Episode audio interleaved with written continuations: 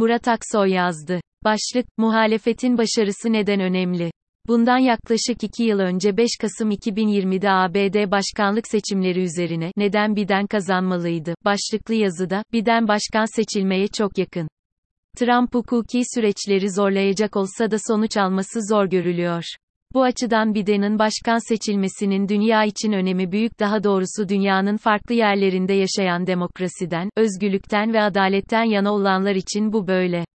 Dünyanın her yerinde popülizme karşı olan herkesin Biden'ın kazanacağı bir zafere ihtiyacı vardı.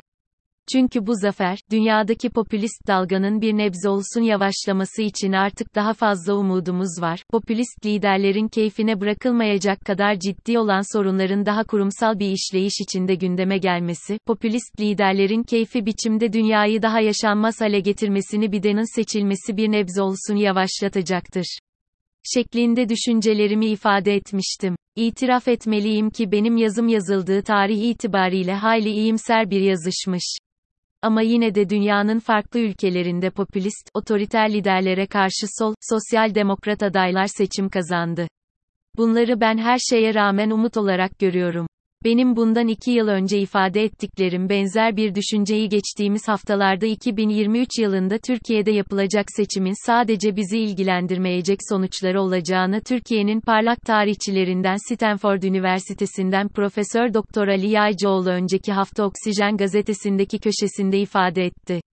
Türkiye, 1923, 2023 ve Dünya başlıklı yazısında Yaycıoğlu şunları aktarmıştı. Açıkça ifade edelim, muhalefetin seçimi kazanması ve Erdoğan rejiminin barış içinde sonlanması, dünya demokratik kamuoyu için büyük bir umut ışığına dönüşecektir. Aynı zamanda, bu derece otoriter bir iktidarın demokratik bir mücadele ile değiştirilmesi dünya demokrasi tarihinin önemli safhalarından bir olarak değerlendirilecektir. Bu mücadele adeta bir model olarak görülecektir. Bu da sadece Türkiye'nin değil, Türkiye demokrasisinin dünyadaki değerini artıracaktır. Aynen Türkiye Cumhuriyeti'nin kuruluşunun birçok ülkeye ilham kaynağı olması gibi, 2023'ün de benzer bir küresel etkisi olması muhtemeldir. Seçim kaybedildiğinde ise, bu mağlubiyetin küresel etkileri bir o kadar kuvvetli olacaktır.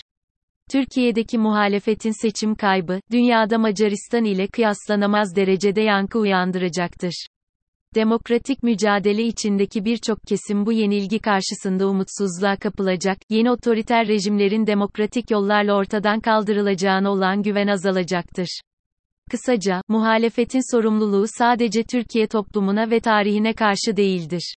Bu küresel bir sorumluluktur. Başarı küresel bir başarı, yenilgi küresel bir yenilgi olacaktır. Özetle Yaycıoğlu, Türkiye'nin bölgesindeki ve dünyadaki konumunu düşünürsek, sadece Türkiye'nin kaderini belirlemeyecek. Otoriter ve irrasyonel fırtınanın sardığı birçok başka ülke içinde Türkiye'deki seçimler referans kaynağı olacaktır.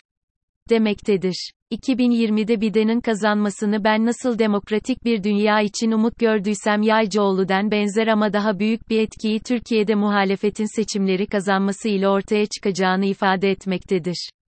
Bu tartışmayı yine Oksijen'den Bekir Ağırdır, 2023 seçimleri yalnızca Türkiye'nin seçimi olmayacak başlıklı yazısıyla açtı ağırdır. Daha da önemlisi hem popülist ve otoriter bir iktidarı değiştirebilmenin hem de yeniyi inşa edebilmenin kaos ve karmaşa yaratmadan, toplumsal rıza ve büyük toplumsal uzlaşmayla mümkün olabildiğini dünyaya göstermek gerek.